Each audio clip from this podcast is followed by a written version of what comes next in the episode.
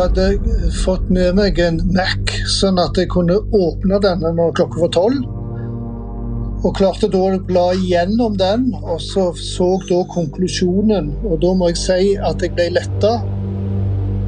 Det gjenopptakelseskommisjonen har vurdert her, er jo om det foreligger nye bevis eller omstendigheter som gjør at man eh, kunne ha sett for seg at det kunne ha gitt en frifinnelse eller en vesentlig lavere straff.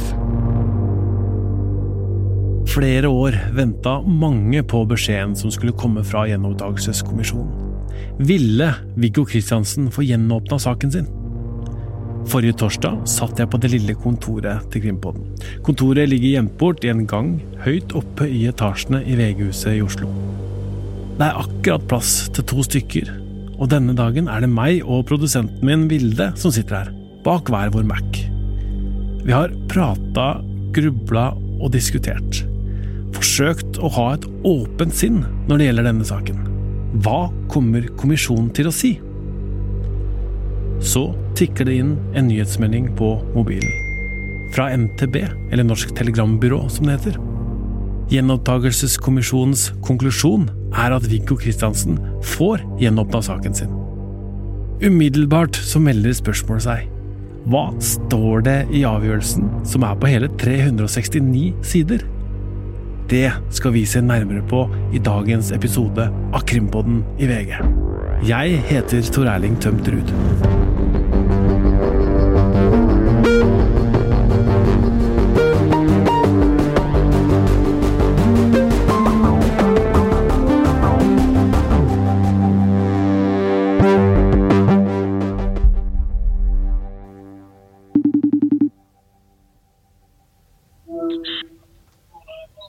Hallo! Det var Sjødin, ja. Det var Sjødin, ja. Hei, Tømt Rudi i VG. Hei. God dag, god dag. Passer det nå?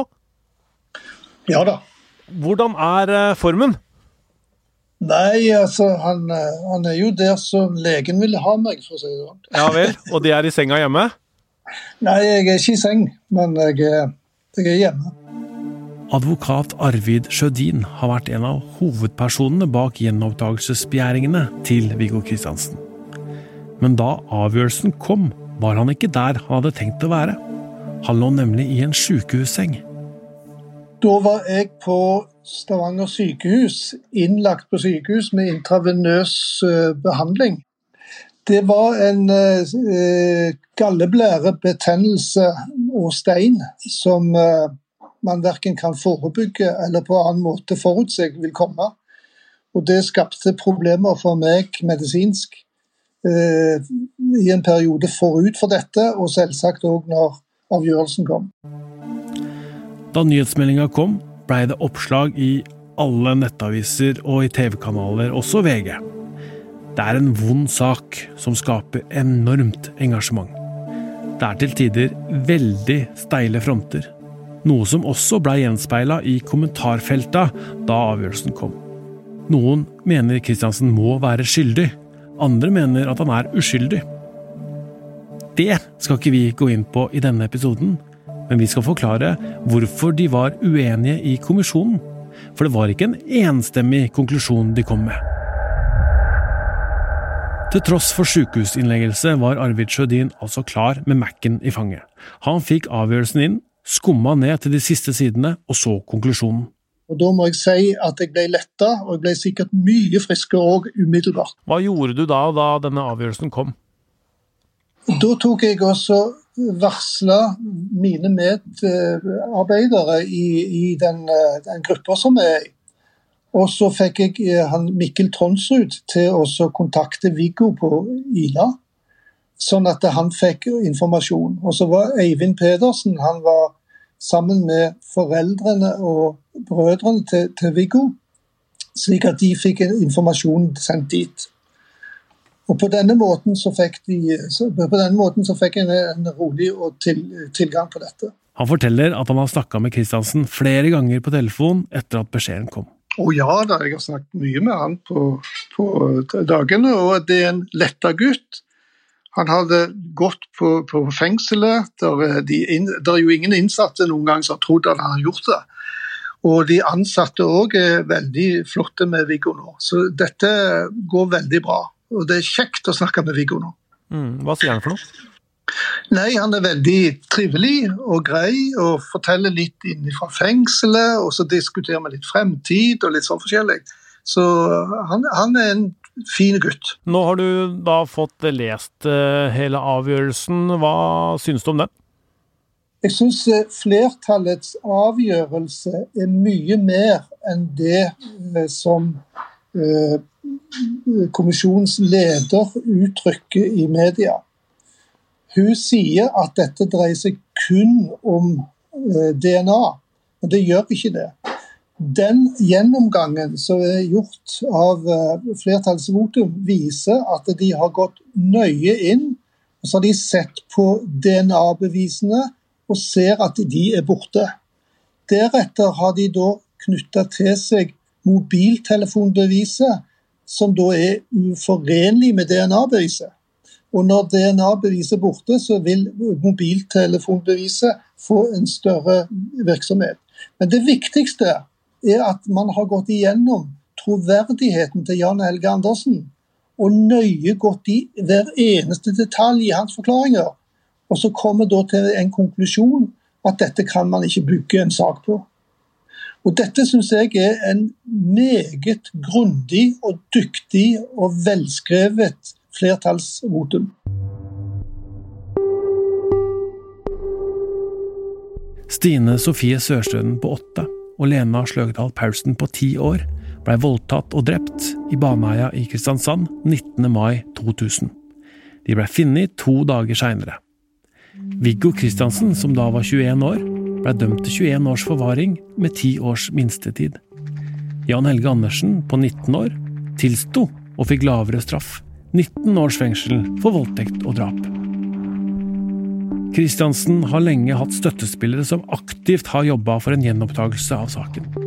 De har ofte stilt opp i pressen for å fremme sin side, og det de mener er bevis for at det er begått justismord. Påtalemyndigheten, som mener Viggo Kristiansen er skyldig, har ikke uttalt seg i form av intervjuer i pressen eller stilt opp i dokumentarer for å fremme sitt syn. Men statsadvokaten har skrevet et over 50 sider langt tilsvar til begjæringen fra 2019. Der legger de frem argumenter for hvorfor de mener Kristiansen er skyldig, og at det ikke har kommet noe nytt fra Sjødin som ville ha stilt saken i et annet lys. Men etter å ha behandla saken og sagt nei flere ganger, så har gjenopptakelseskommisjonen snudd. Ok. Eh, den redegjørelsen ligger på eh, gjenopptakelse.no. Eh, bare skrolle seg ned der, pressemeldinger, lenke til avgjørelsen. Der er det 369 sider som man da kan lese gjennom det gjenopptakelseskommisjonen har vurdert her, er jo om det foreligger nye bevis eller omstendigheter som gjør at man eh, kunne ha sett for seg at det kunne ha gitt en frifinnelse eller en vesentlig lavere straff. Og det er jo egentlig et todelt spørsmål, da. For det første, eh, foreligger det nye bevisomstendigheter? Og det er kommisjonen helt enig om, det mener alle medlemmene.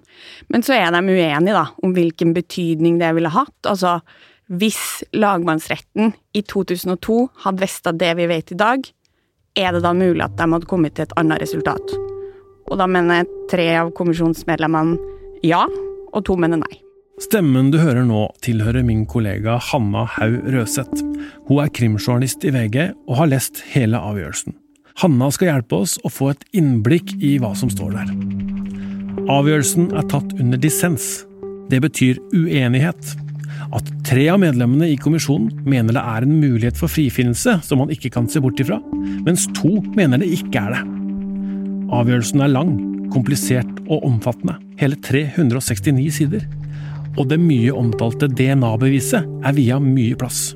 Sånn som vi leste, så er jo DNA veldig sentralt her. Uh, og da er det snakk om et DNA-bevis som ble lagt frem i retten som et bevis for at det må ha vært to gjerningsmenn.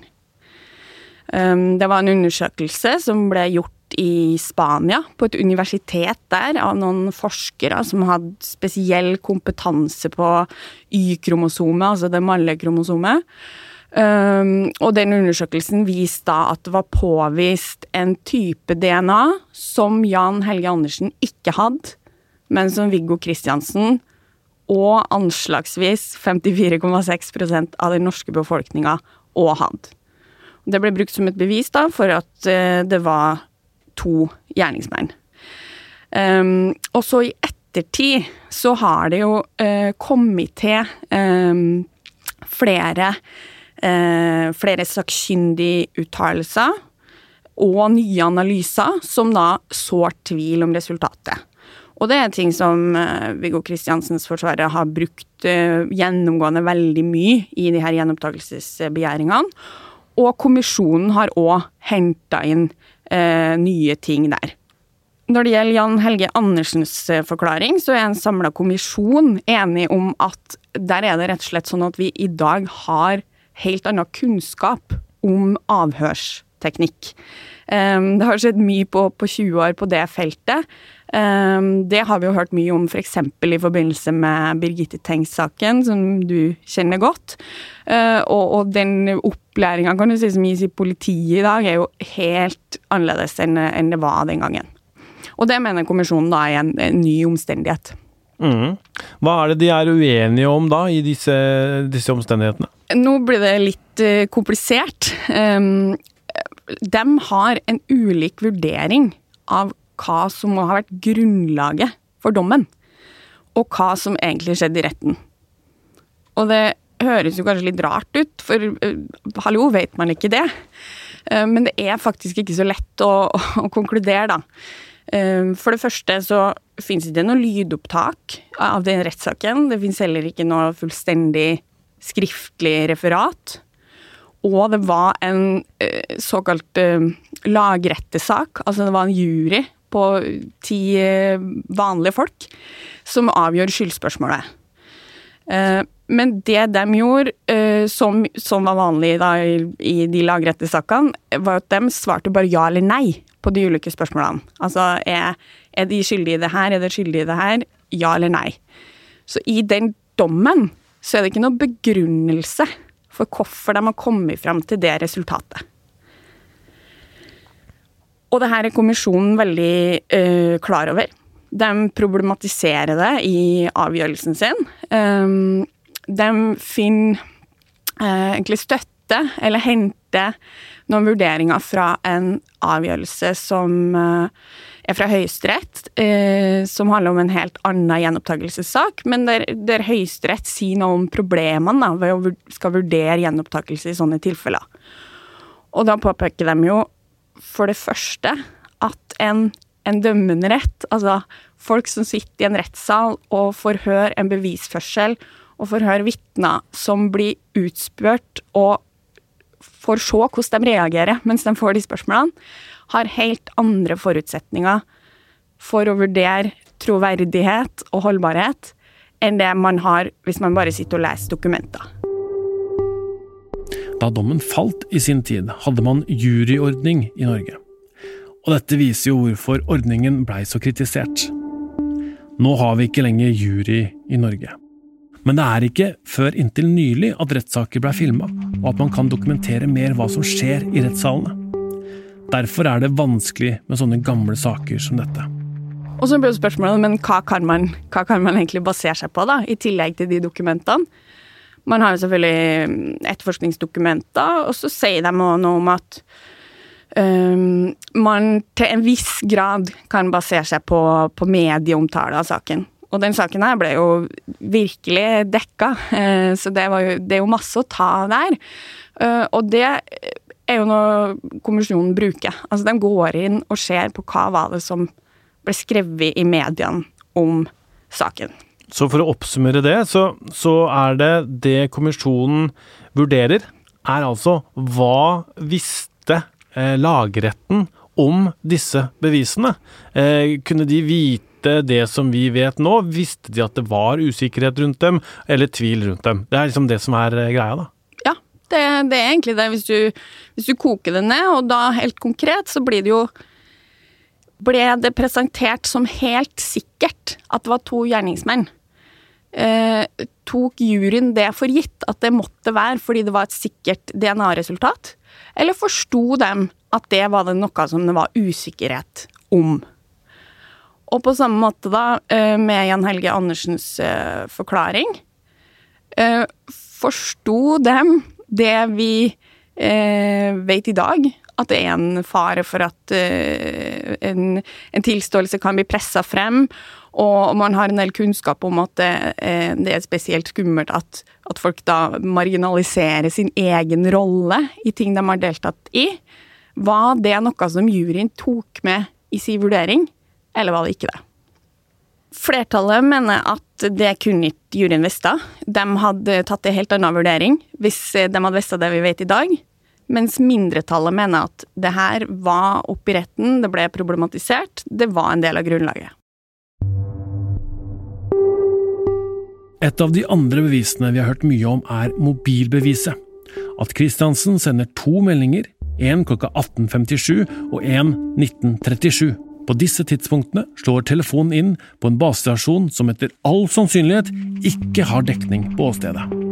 Hvis vi forenkler litt, så er de enige om at det her mobilbeviset sto sentralt uh, i begge rettsforhandlingene. Uh, og de er enige om at det her ble Altså, her var det flere sakkyndige som var inn og forklarte seg om det. Det var et ganske stort tema i retten. Så de er på enige om at det ikke er så mye nytt her.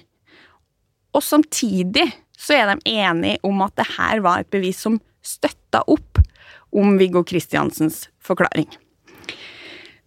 Så der er de enige, men det helt uh, sentrale her er at uh, flertallet tar på en måte med seg det her inn i en vurdering av det totale bevisbildet.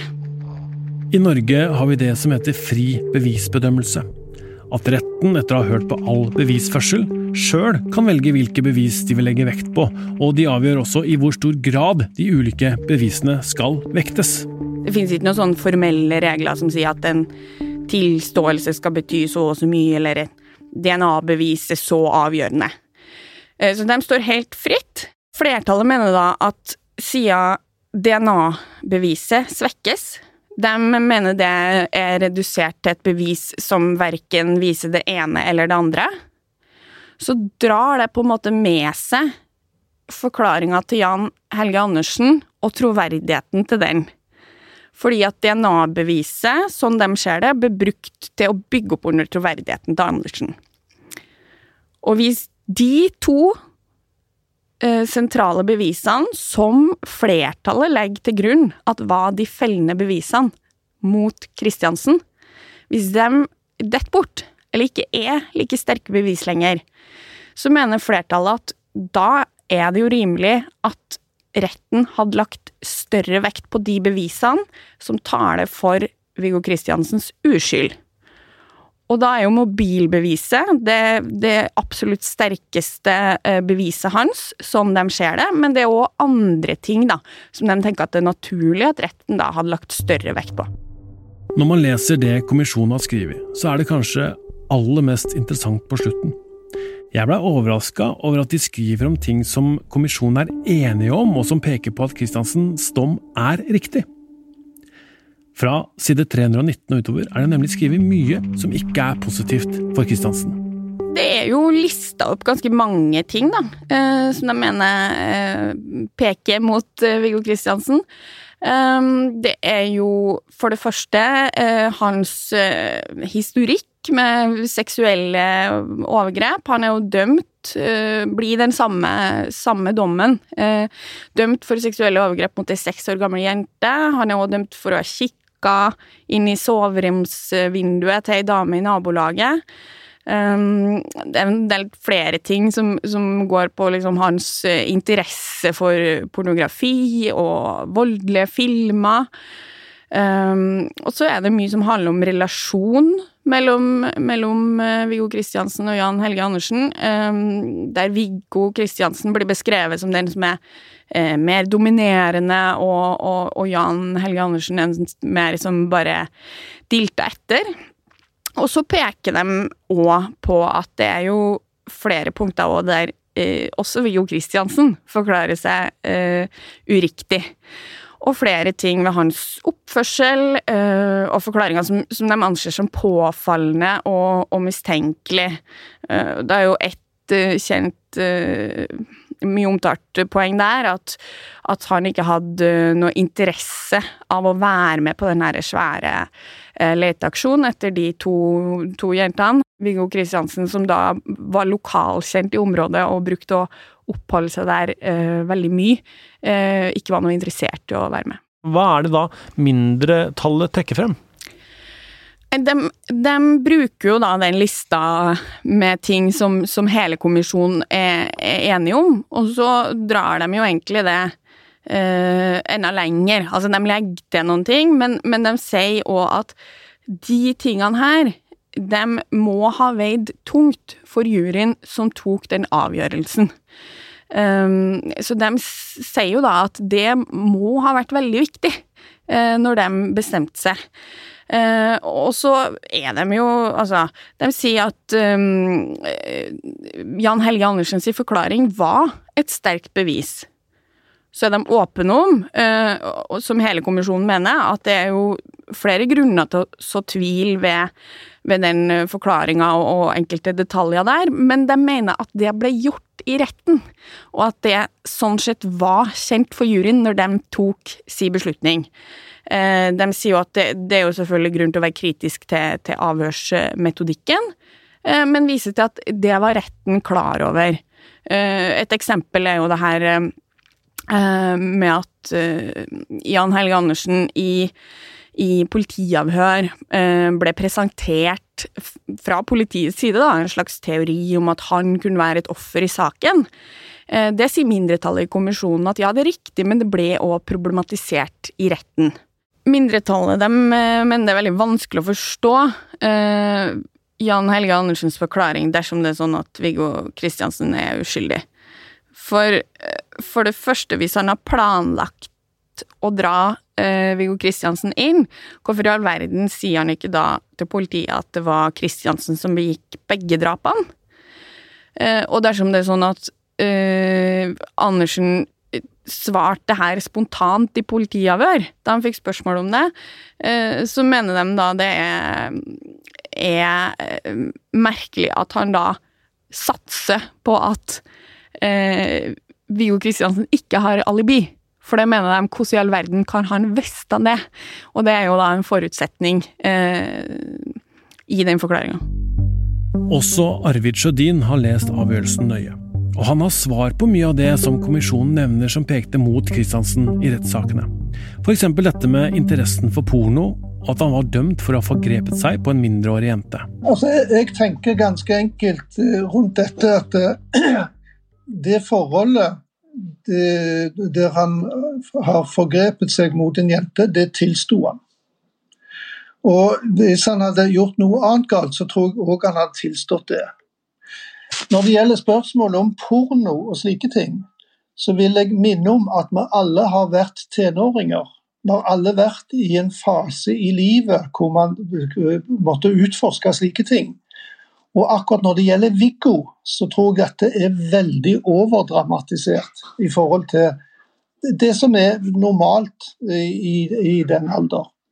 Så jeg tror at det, man skal være veldig forsiktig og legge noe vekt på det. Kommisjonen bruker også mye plass på det Andersen og Kristiansen sa til politiet og andre helt i starten. De sa at de ikke hadde vært i Baneheia den fredagen. Men så kom det fram at de hadde vært der likevel. Jo, jeg kan jo gjerne stille deg spørsmålet. Hvor var du torsdag klokken 17? altså, det som skjedde, var at Viggo og, og, og Jan Helge de glemte rett og slett det møtet de hadde hatt med, eh, når det gjaldt uh, sykkelen. For Bakgrunnen for dette er at Viggo låser seg ute fra bua. Han må ha nøkkel, og den eneste som har nøkkelen, det er Jan Helge. Og Da ringer han hjem på fasttelefon til faren og får vite at Jan Helge er i Baneheia. Og Da sykler han opp der for å få nøkkelen. Og Når han kommer opp uh, der, så, så Ser han han ikke med en gang, så sykler han da bare noen hundre meter opp og så sykler han ned igjen etterpå, der han treffer han, og så, så, så er de der på lekeplassen like ved der. Dette skjer jo lang tid før disse jentene er gått hjemmefra. Dette skjer lang tid før de er begynt å bade. Dette skjer lang tid før, før eh, selve hendelsen gjør. Så det er feil å knytte dette til hendelsen. Det neste som jeg vil si i forhold til det, det er at enhver vil komme i en posisjon der de kan glemme en ting. Og så husker man det, og da sier man det. Det som er spesielt her, er at òg Jan Helge bekrefter Viggo sin versjon. Og så sier at eh, ja, han, vi, vi, glemte det, det var den andre dagen vi var der. Hvis du forstår. Det var fredag vi var der, det var ikke torsdag likevel. Når kommisjonen skriver at det var påfallende at gutta ikke var med på å leite, svarer Sjødin slik. Jeg tror det er mange ungdommer i det området som ikke var med å lete. Hvis alle ungdommene skulle vært med å lete, så ville det vært uoverkommelig. De som var satt i gang til lete, det var de i Hjemmeværnet. Og Hvis man husker tilbake, så vil man se at den eneste som var medlem av Heimevernet på den tiden, det var Jan Helge Andersen, ikke Viggo. Sjødin har også en formening om hva som bør skje med Jan Helge Andersen. Altså, Hvis man skal ha et rettssystem som skal være rettferdig, så tenker jeg òg på de pårørende. Fordi at det, hvis nå Viggo blir frikjent, så er det et av de barna der som det ikke finnes drapsmann på. Og Derfor så mener jeg det at eh, der bør Riksadvokaten se hen til om det er mulig å gjenåpne og endre dommen. Tror du at det kommer en ny sak mot ham, da? Jeg mener at Riksadvokaten bør vurdere det. Hva vil skje i en sånn sak hvis han blir dømt for begge drapene, da? Da vil han nok få en eh, en eh, reaksjon igjen, men det viktigste er å statuere eksempelet, eller statuere straffskylden. Dersom det blir en ny rettssak for Viggo Kristiansen, vil Jan Helge Andersens forklaring fortsatt stå sentralt. Hans advokat Svein Holden, den samme som er advokat for Tom Hagen, sier til VG at Andersen er overraska over at saken mot Kristiansen er beslutta gjenåpna. Andersen fastholder at han har forklart seg korrekt om Kristiansens rolle i saken. Det vil han også gjøre dersom han skal avgi forklaring i en ny rettssak. Holden sier også at Andersen under en eventuell rettssak vil korrigere uriktige påstander om hendelsesforløpet i Baneheia, som er lansert de siste åra, men vil ikke gå inn på hva som ligger i det. Gjenopptakelseskommisjonen mener verdien av Andersens forklaring er svekka. På spørsmål om hva han tenker om det, svarer Holden at Andersen vil besvare spørsmål fra retten om Christiansens rolle på en sannferdig måte. Og så vil det være opp til retten å vurdere troverdigheten av hans vitnemål. Til avisa Fedrelandsvennen sa Jan Elge Andersen nylig at han ikke begikk ugjerningene aleine, og at han har fortalt sannheten. Han er i dag en fri mann etter å ha sona straffa på fengsel i 19 år. Arvid Sjødin, Viggo Kristiansens advokat, mener det ikke vil komme så langt som til en ny rettssak for sin klient. Altså, Jeg tror ikke det kommer noen ny prøving i retten. Og det er fordi at eh, hvis man skal fremme en straffesak i Norge, så fremgår det av Riksadvokatens rundskriv at tiltalebeslutningen skal omfattes med bevis utover enhver rimelig tvil sikkert. Og Det er det umulig å skape her i denne saken. Så Derfor så tror jeg at man ikke har vilkår engang til å reise til en straffesak. Men det, når det er sagt, så er det det Viggo ønsker. Han ønsker å komme opp i en situasjon der han får bevist sin uskyld. Og vi er veldig klar til å gjennomføre den. Mange av dere som hører på oss, har sendt oss spørsmål om hva som eventuelt vil skje med Jan Helge Andersen nå som Viggo Kristiansen har fått gjenåpna saken sin. Spørsmåla dreier seg stort sett om Andersen kan bli straffa på nytt, og om han kan bli tiltalt for falsk forklaring. Ja, hei, du.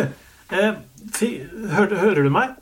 Ja, ja, jeg hører deg. Marit Lomundal Sæter er advokat i firmaet Sulland og styremedlem i forsvarergruppen i Advokatforeningen.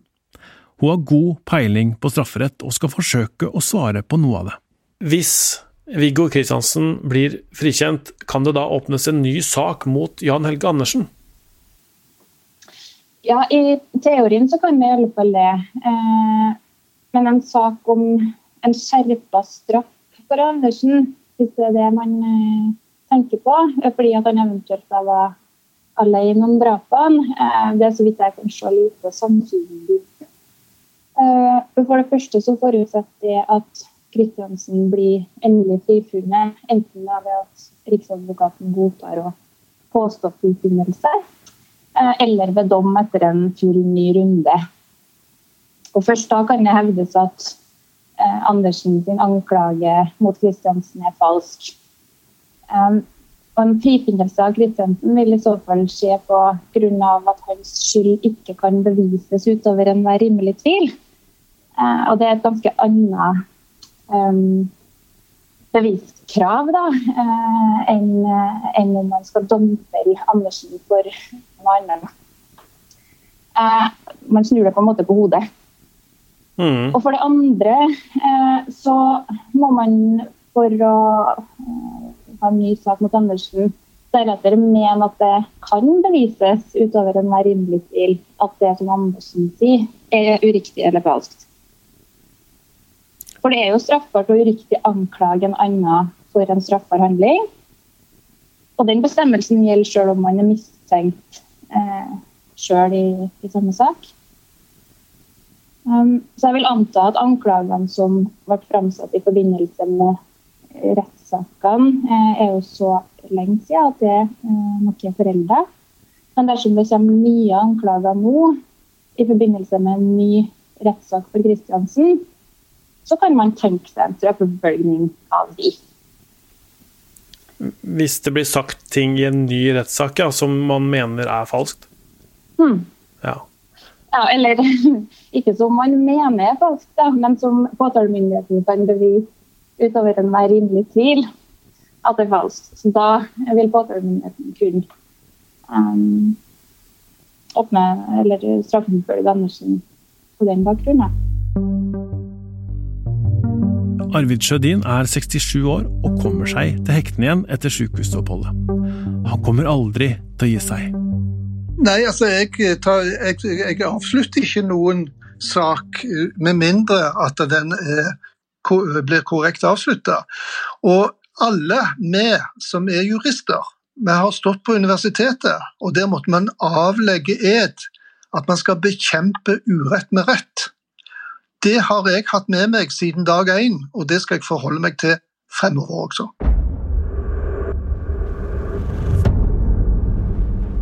Nå skal statsadvokaten sende sin anbefaling til Riksadvokaten. Han avgjør om det skal legges ned påstand om frifinnelse for Kristiansen, eller om det blir en ny sak mot ham. Viggo Kristiansen har også begjært seg løslatt, og venter på en avgjørelse der.